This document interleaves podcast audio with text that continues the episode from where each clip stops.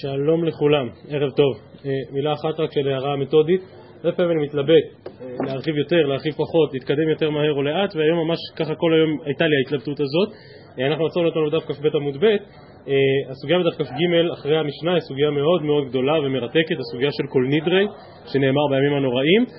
אז התלבטתי אם את הגמרא עכשיו ככה להעביר מהר מהר יותר להגיע לכל נדרי, או להתעכב פחות על מה שיש כאן בגמרא, כי הגמרא יחסית פשוטה מאוד, אלא על האריכות הרבה שיש כאן בראשונים, בעיקר בר"ן, אה, ותמיד יש התלבטות, כך או אחרת, והרבה פעמים לא נעים להגיד שמה שמכריע אה, זה היום בשבוע. אז בגלל שאנחנו יום רביעי וכבר לקראת סוף השבוע וכולי, אז בחרתי הפעם באפשרות של להתעכב יותר על מה שיש מכאן ועד המשנה בדף כ"ג עמוד א', ואת הסוגיה של כל נדרי נדבר בעזרת השם מחר. אז אנחנו אה, עצרנו אתמול בגמרא בדף כ"ב בדף כ"ב עמוד ב', אחרי שדיברנו בהרחבה לענייני הכעס ועל גנות מידת הכעס, ואנחנו חוזרים לנדרים שמתירים או לא מתירים אותם. אז אנחנו בגמרא בדף כ"ב עמוד ב', קצת לפני אמצע העמוד. אמר רבי יאסי, אין נזקקים לאלוהי ישראל, חוץ מקונם אשתי נהנית לי שגנבה את כיסי ושהכתה את בני, ונודע שלא גנבה ושלא הכתו. זה, זה הדין שבגמרא. והדין הזה מעורר שתי שאלות שנידונו כאן ברן ובשאר הראשונים. אני אתחיל דווקא מן השאלה השנייה, השאלה הטכנית, והיא למה צריך לעשות התרת נדרים לנדר כזה? הרי אם בן אדם מאוד יתרגז על אשתו כי היא עשתה מעשה שלא יעשה, גנבה את כיסי, הכתה את בני, ובסוף מסתבר שלא היו דברים מעולם. אז לכאורה זה בדיוק נדרי, נדרי שגגות. אחד מארבעת, אמנם עוד לא הגענו לזה, אחד מארבעת הנדרים שבמשנתנו, שבתחילת הפרק, אלה בדיוק נדרי שגגות, ולכן לכאורה הנדר הזה בכלל לא צריך התרה. אז מה בכלל הדיון? רבי יאסי שואל האם נזקקים או לא נזקקים, כי הם עושים התרת נדרים, לא עושים התרת נדרים, נדר כזה לא צריך התרת נדרים, זה נדר בטעות. הקושייה הזאת הייתה כל כך גדולה ולכן הר"ן בפירושו הראשון והתוספות ורוב הראשונים כאן פשוט מוחקים את המשפט הזה מן הגמרא כלומר את הסיפא שנודע שלא גנבה ולא הכתנו נמחק מן הגמרא כלומר כן האישה הזאת באמת עשתה מעשה לא ראוי כנראה ובכל זאת אפשר להתיר את הנדר מטעמים של שלום בית ולכן שוב הר"ן והתוספות מוחקים את המשפט הזה. הר"ן גם מזכיר דעתו של הרשב"א שאמר שלא מוחקים את המשפט הזה, ולדעת הרשב"א באמת יכול להיות שאף על פי שבאמת התברר בדיעבד ש... היא כן עשתה, סליחה, מתברר בדיעבד שהיא לא עשתה את אותו מעשה, זה עדיין לא נחשב עד כדי כך כנדרי שגגות, כנדר בטעות, כי האדם הזה כנראה כל כך כעס, ומשהו במערכת היחסים שלו עם אשתו כנראה גם ככה רעוע, ולכן בכל מקרה הוא רצה להדיר אותה. וממילא כן נדרשת כאן התרת נדרים, ושוב על זה בא רבי אסי לחדש שהתרת הנדרים הזו מותרת מטעמים של שלום בית. אז זה לגבי עצם הבנת המקרה. ברור שהחידוש של רבי אסי הוא בכך שנזקקים לאלוהי ישראל. מה זאת אומרת לאלוהי ישראל? זאת אומרת שבהפלאה של אותו אדם הוא החליט לערב גם את הקדוש ברוך הוא ולהזכיר אותו בפירוש. מאליה מתעוררת השאלה, אז על מה מדובר פה? הרי אם מדובר על נדרים, אנחנו יודעים שבנדרים בנדרים אין שם שמיים, לא צריך להזכיר שם שמיים בנדרים. אלא אם כן יכול להיות שיש כאן באמת איזשהו קונם מיוחד, שהוא לא יסתפק בקונם הרגיל, אלא בכל זאת ערב שם שמיים. לחילופין אפשר לומר שאם רבי יאסי מדבר על אלוהי ישראל, אז, אז כנראה שמדובר כאן על שבועה ולא על נדר. ואם ככה, אומר הר"ן, באנו לסוגיה שתידון בעזרת השם אה, בעוד לא הרבה זמן, נגיע אליה כאן למסכת נדרים, וזה האם בכלל אפשר לעשות התרת נדרים, או לא התרת נדרים, אפשר לעשות התרת נדרים על שבועות, האם אפשר להתיר גם שבועה. פשט הדברים ודאי ש... ודאי שכן, התרת נדרים מועילה בכל עולם ההפלאה, גם בנדרים, גם בשבועות וכולי, ואולי לפי דעה אחת יש בזה מחלוקת בין בית שמאי לבין בית הלל. אבל הר"ן מוכיח שגם אם נבין שלא עושים התרת שבועות כמו שעושים התרת נדרים, זה עדיין רק חומרה מדי רבנן. ברור שמעיקר הדין ודאי שאפשר להתיר גם שבועות, ויכול להיות שמה שרב אסי רוצה לומר, אבל זה לא ראוי, או לכתחילה עדיף שלא לעשות את זה.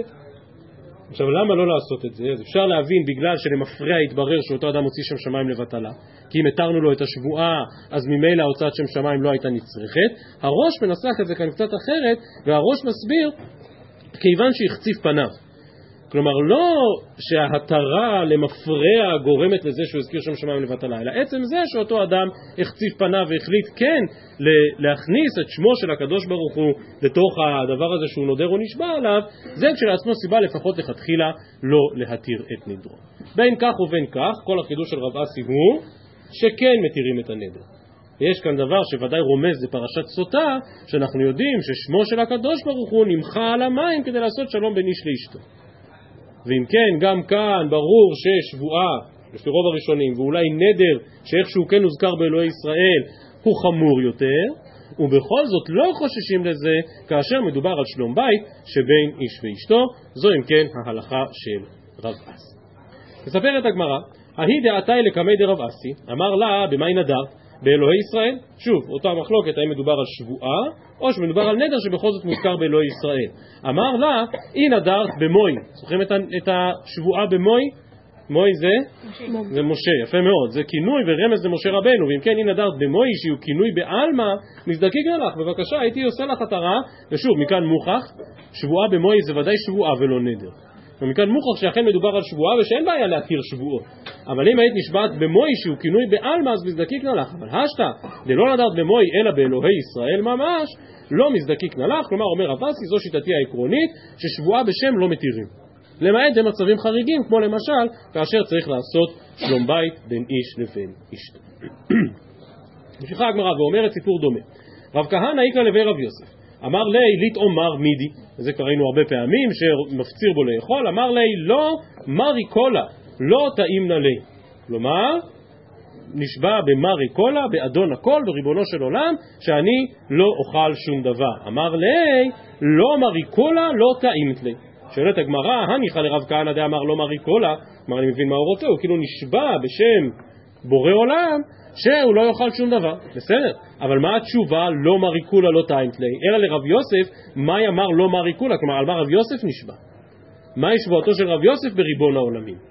עונה הגמרא, הכי דקאמר לי, לא מרי קולה עוד דקאמר, כלומר אכן זה מה שעשית? נשבעת בשם השם? הילקח לא טיימפלי, כלומר דע לך שעכשיו לשבועה הזאת שלך אין התרה, כמו שאמר רב אסי. כלומר ששבועה בשם זה משהו שאנחנו נזהרים הרבה יותר מלהתיר. מסכמת הגמרא ואומרת למרות החומרה הזאת של רב אסי שלכאורה משהו שרב יוסף מקבל אותה אמר רבא אמר רב נחמן הלכתה פותחים בחרתה ונזקקים לאלוהי ישראל. למרות מה שאמר רב אסי ששבועה באלוהי ישראל זה משהו שלא מתירים באה הגמרא ואומרת כן נכון כן נזקקים לאלוהי ישראל ומתירים גם שבועה כזאת, כך מסיימת הגמרא, ומעבר לזה אומרת הגמרא שאכן גם פותחים בחרטה. אז אם אתם זוכרים, התחלנו את כל הדיון מזה שהגמרא הציעה ואמרה, כסבר אין פותחים בחרטה, וכבר הזכרתי שיש כמה וכמה סוגיות שונות שמדברות, ש, שמזכירות את המונח הזה, פותחים או אין פותחים בחרטה, והן מתפרשות גם באופנים שונים. מסקנת הגמרא כאן היא שאכן פותחים בחרטה. אני רק רוצה להתעכב, כי לא הספקתי שוב לפני יומיים, היה דף עם הרבה מקורות, אבל לא הספקנו להתעכב על כל דבר, אז כן להשלים ולהזכיר את דעתו של הרמב"ם. אה, שלדעת הבית יוסף היא בעצם דעת רש"י, דעת המפרש כאן בסוגיה שלנו. המפרש פה בסוגיה שלנו, בדף כ"א, כאשר מדובר על אין פותחין בחרטה, הסביר המפרש שמה זאת אומרת אין פותחין בחרטה, זה לא קשור להבדל שבין פתח לבין חרטה, אלא אין פותחין הכוונה, השאלה מי יוזם. מי יוזם את ההיתר? איך עובדת התרת נדרים, לדעת רש"י כאן? אותו אדם שנדר ונמלח והתחרט על נדרו, צריך לבוא בפני חכם ולבקש התרה. אבל החכם מיוזמתו לא יתחיל לשאול אותו ולדובב אותו, כמו שנראה תכף בסוגיה, תגיד, חשבת על זה, חשבת על זה, את זה לקחת בחשבון, את ההשלכה הזאת וכולי וכולי, לא. זאת המשמעות של אין פותחין בחרטה. וכאמור, הבית יוסף ביורדיה בסימן רכ"ח חושב שזו אכן גם דעתו של הרמב"ם. מדוע? משום שהרמב"ם באמת מתאר את כל עניין התרת נדרים בפרק ו' בהלכות שבועות, הרמב"ם מתאר שאדם בא ולפני חכם וכולי.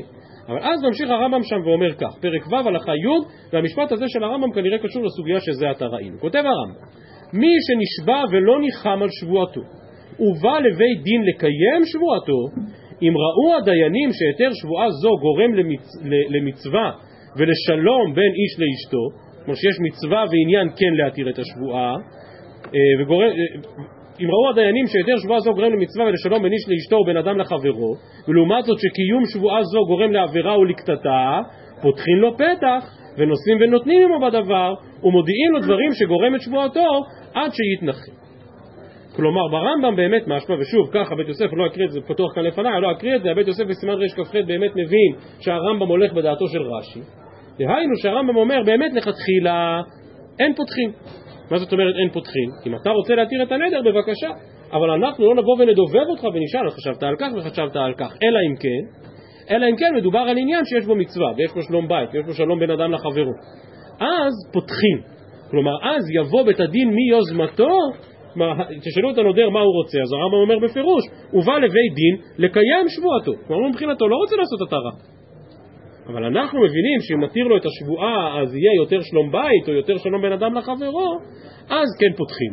ואם כן, ככה הרמב"ם מבין, שבעצם מצד אחד אין פותחים בחרטה, ומצד שני, כמו שהגמרא כאן אומרת, כן פותחים בחרטה באותם מצבים שזה התראים. כלומר, באותם מצבים שבהם יש מצווה בדבר ויש שלום בית ושלום בין אדם לחברו, וזו אם כן דעתו של הרמב"ם, ושוב, אפשר להתווכח עם הבית יוסף הזה, אבל ככה בית יוסף מבין. שהרמב"ם מבין כדעת רש"י, וכל השאלה של פותחין או אין פותחין בחרטה היא השאלה מי היוזם. האם זו יוזמה שלו, או שזו יוזמה שלה. כמו שאמרתי, היה לי ספק עד כמה להתעכב על כל דבר, אז את הסוגיה סיימנו, אבל יש כאן עוד קטע חשוב בר"ן, אה, והחלטתי כן לציין גם את החידושים של הר"ן כאן לאורך הסוגיה שלנו. הר"ן כאן על המשפט הזה שבגמרא, על הסיומת הזאת שאמר רב נחמן הלכת הפותחים בחרטה ונזקקים לאלוהי ישראל, מביא הר"ן מחלוקת מאוד מאוד מרתקת בין הגאונים לגבי היחס העקרוני לכל התופעה הזו של התרת נדרים והתרת שבועות. הר"ן מתחיל משאלת נקיטת חפץ. כידוע, בדיני טוען ונטען, לעיתים אנחנו נשביע אדם בנקיטת חפץ. הוא צריך ממש לאחוז ספר תורה בידו, או לאחוז תפילין, או לאחוז משהו אחר, וכך זה נותן תוקף ומשמעות לשבועה. ומזכיר הר"ן דעה שאמרה שבשבועה בנקיטת חפץ את זה כבר אי אפשר להתיר. אם אדם נשבע בנקיטת חפץ אי אפשר להתיר לו את השבועה, והר"ן אומר מה פתאום. נקיטת חפץ באה לאיים עליו, נקיטת חפץ באה לוודא שהשבועה רצינית, אבל זה לא אומר ששבועה בנקיטת חפץ אי אפשר להתיר, ולכן ודאי שאפשר להתיר גם שבועה בנקיטת חפץ, גם נדרים אפשר להתיר כל דבר. אז כותב הר"ן, אבל רבנו היי גאון ז"ל החמיר בנדרים שלא לפתוח בחרטה. ואמר דאנן השתא יבדינן קרוב, יבדינן קרוב לדרב אסי יבדינן דאמר אין חכם מתיר אלא כי אין ארבעה נדרים הללו כלומר בפתח אבל בחרטה לא. וזה שיטתו העקרונית של הר"ן שכבר עליה כן דיברנו בהרחבה שפתח וחרטה זה לא בדיוק אותו דבר.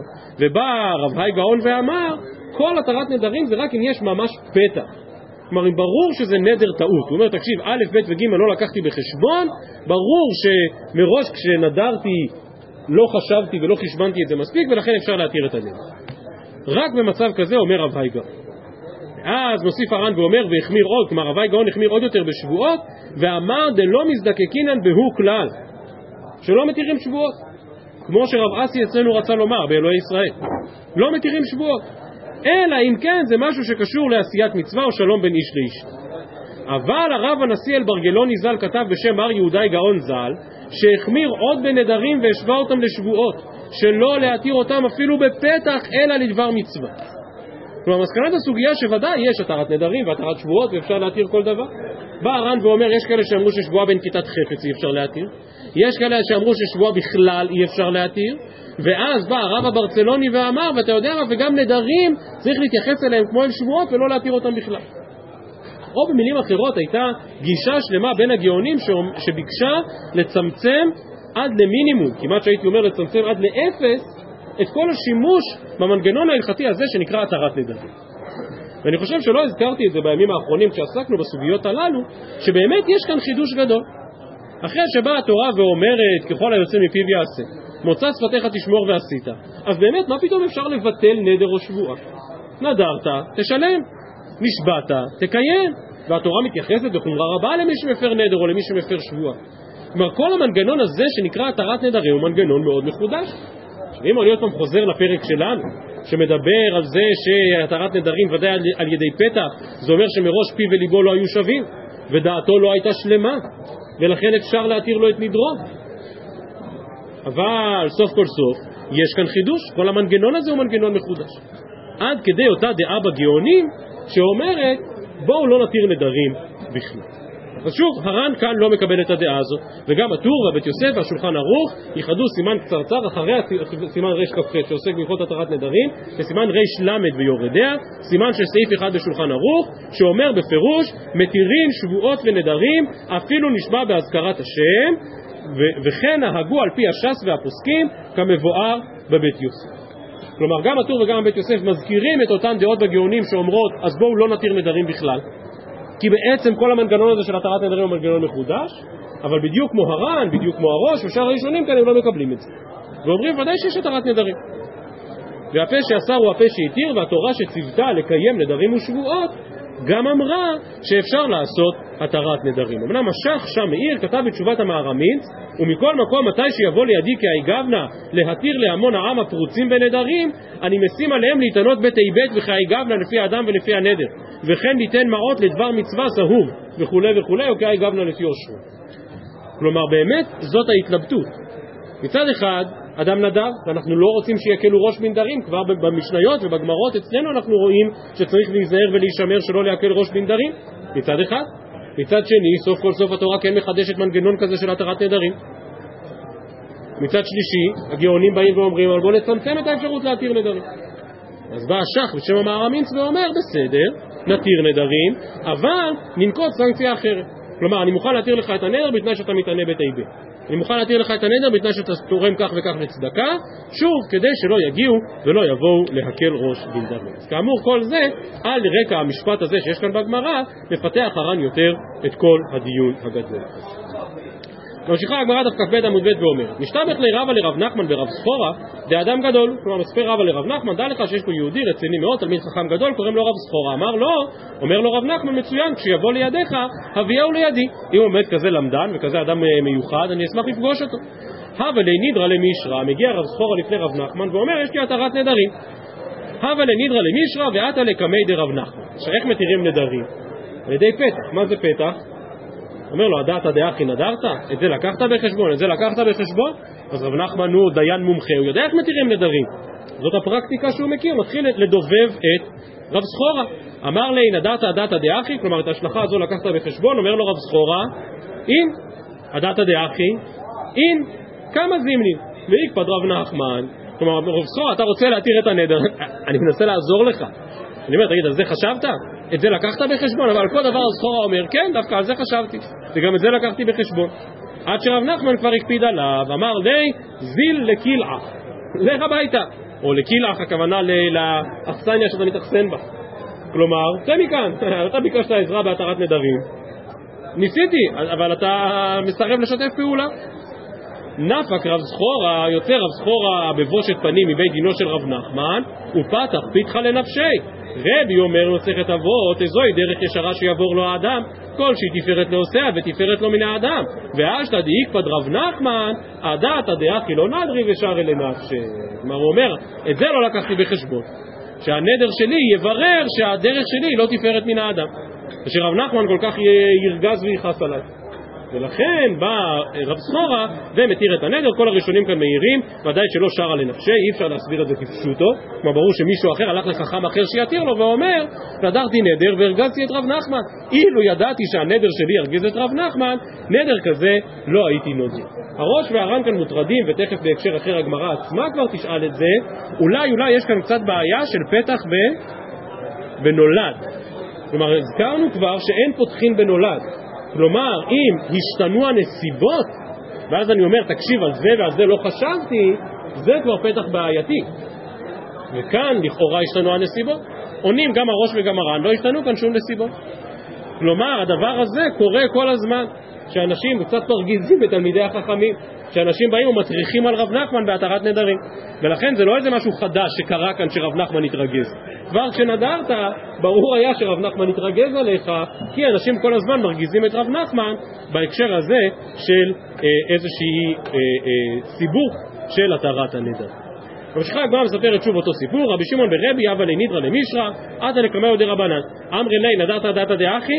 אמר אין, הדתא דאחי? אין. ושוב ככה כמה זימנין, נערו מצטערי רבנן, כ"ג עמוד א', משמשה לטולה ומטולה לשמשה.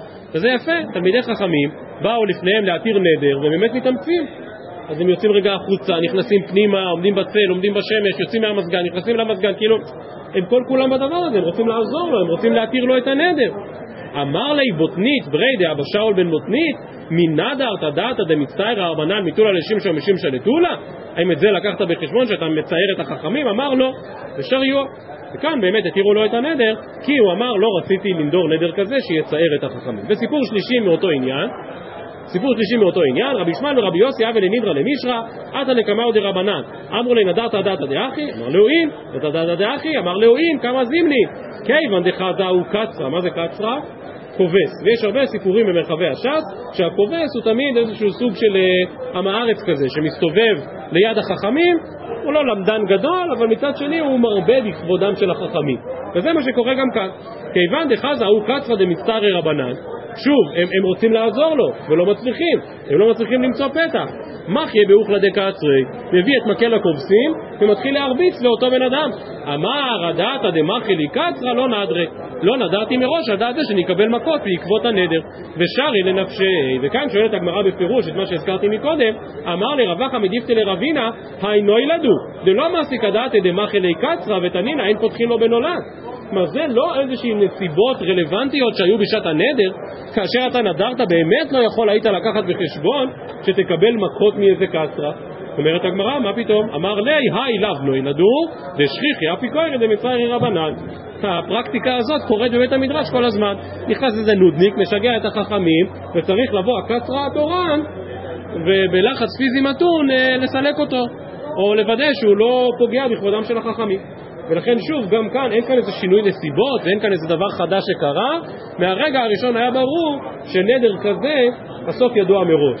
תבוא לחכמים, אתה תשגע אותם עם היכולת להתיר את הנדר ואז נידרש לשירותיו של אותו קצרה שיבוא ו...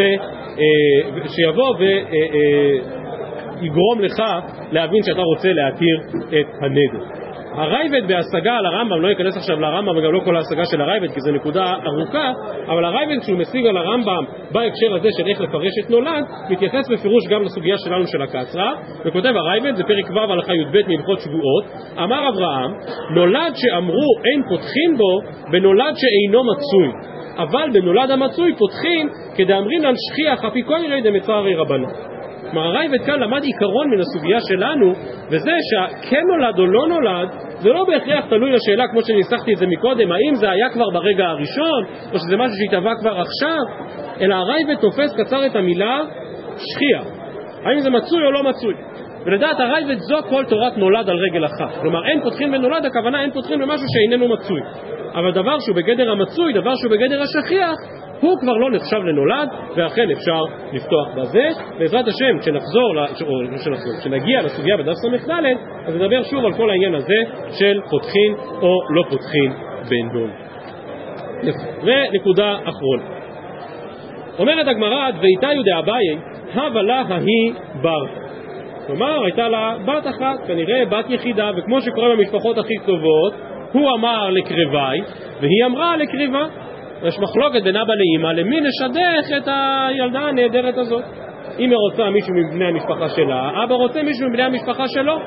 אמר לה, אבא מנסה לנקוט סנקציה ואומר, תתסרא הנאתי עלך, היא עברת דעתה ומצוות לך לקריבה. כלומר, אם את מחתנת את הבת שלנו עם מישהו מבני המשפחה שלך ולא מבני המשפחה שלי, אז אני אוסר את הנאתי. מה עשתה אותה אישה? עזת, ועברה על דעתי, ואינס בה לקריבה. טוב, כל הכבוד לנדרים שאתה נודר כאן. את ההחלטות החשובות, מי מחליט, אבא או אמא? אמא. והלכה ואמרה, זאת החלטה כל כך קריטית, ולוקחת את הבת ומחתנת אותה בניגוד גמור למה שאבא אמר, או בניגוד גמור לנדר שהוא הדיר. טוב, אז לכאורה עכשיו היא נאסרה בהנאה. עתה לקמא דרב יוסף אמר לי, אילו הווה ידת דאברה על דעתה, ומי נסבלה לקריבה, מי הדרת? וואו. כלומר, איך רבי יוסף רוצה לפתוח את הנדר? לומר לו, אילו היית יודע שהיא באמת, אתה אמרת, אם תעשי כך וכך, אז אסורה בהנאה. אתה היית בטוח שמה? שבגלל הנדר המופחיד הזה שנדרת, אז היא עכשיו לא תציית לך? טוב, כנראה שהיא לא עד כדי כך מקבלת את דבריך.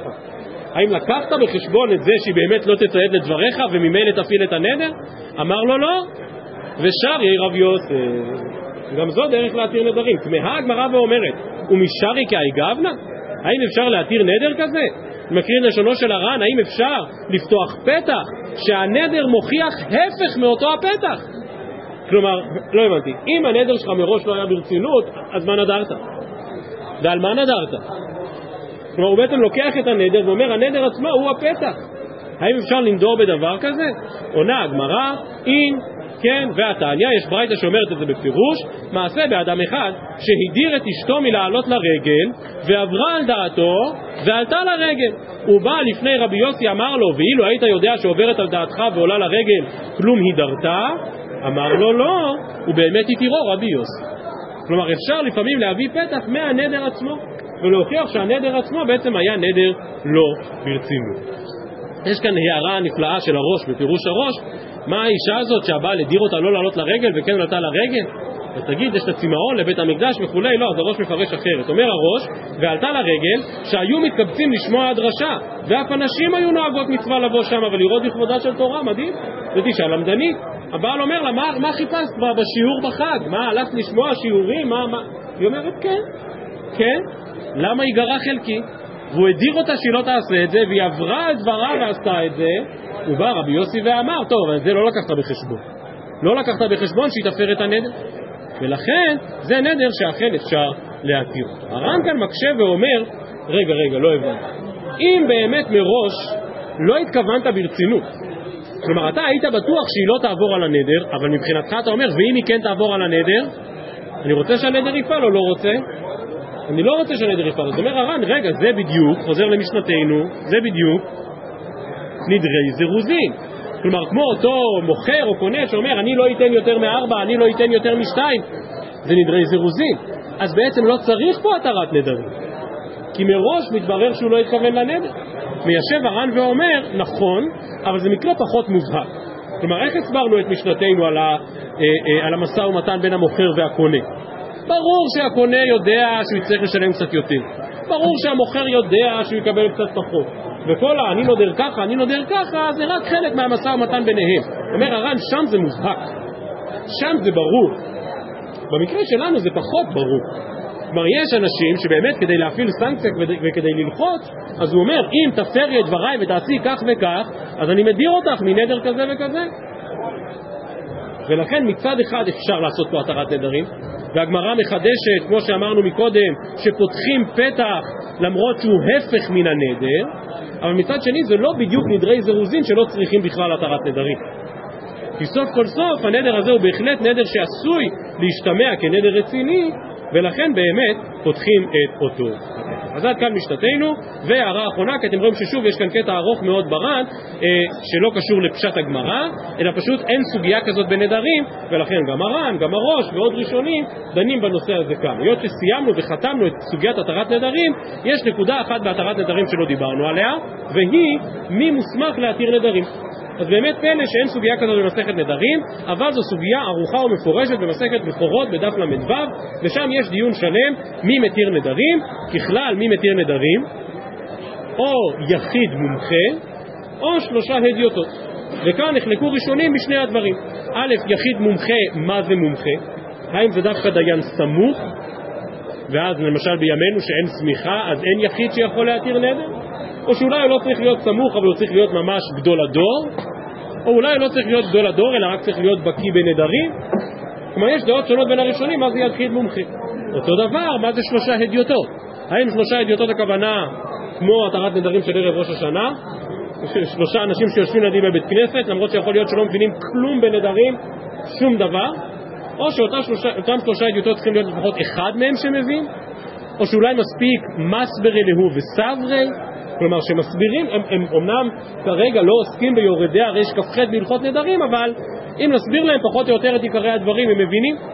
אז כאמור, אלה מחלוקות גדולות בין הראשונים, שוב, מה זה יחיד מומחה ומה הם אותם שלושה הדיוטות. אז הר"ן כאן כאמור מביא את הדעות השונות, ככלל הרמב"ם הוא מן המקלים בסוגיה הזו, כלומר הרמב"ם מבין שיחיד מומחה זה לא דיין סמוך, זה מישהו שקצת מבין בנדרים, ושלושה הדיוטות ממילא זה הדיוטות לגמרי, הלכה למעשה פוסק השולחן ערוך שם, וזה הסעיף הראשון בסימן רכ"ח, מי שנדר ונתחרט יש תקנה על ידי חרטה ואפילו נדר באלוהי ישראל, כיצד יעשה? ילך אצל חכם מומחה דגמיר וסבי.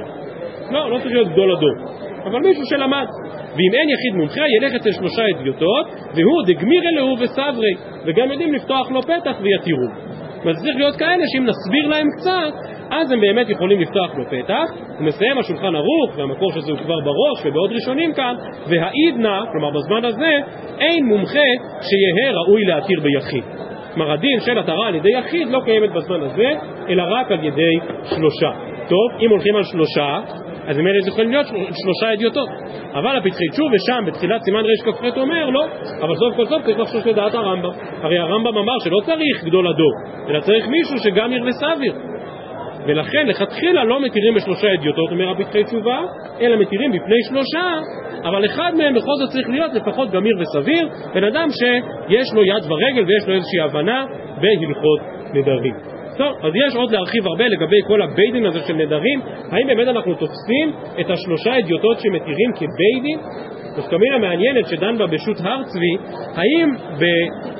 כשאדם בא להתיר נדר בפני שלושה, האם צריך הסכמה פה אחד? או שאם שניים חושבים להתיר לו ואחד חושב לא להתיר לו זה מספיק.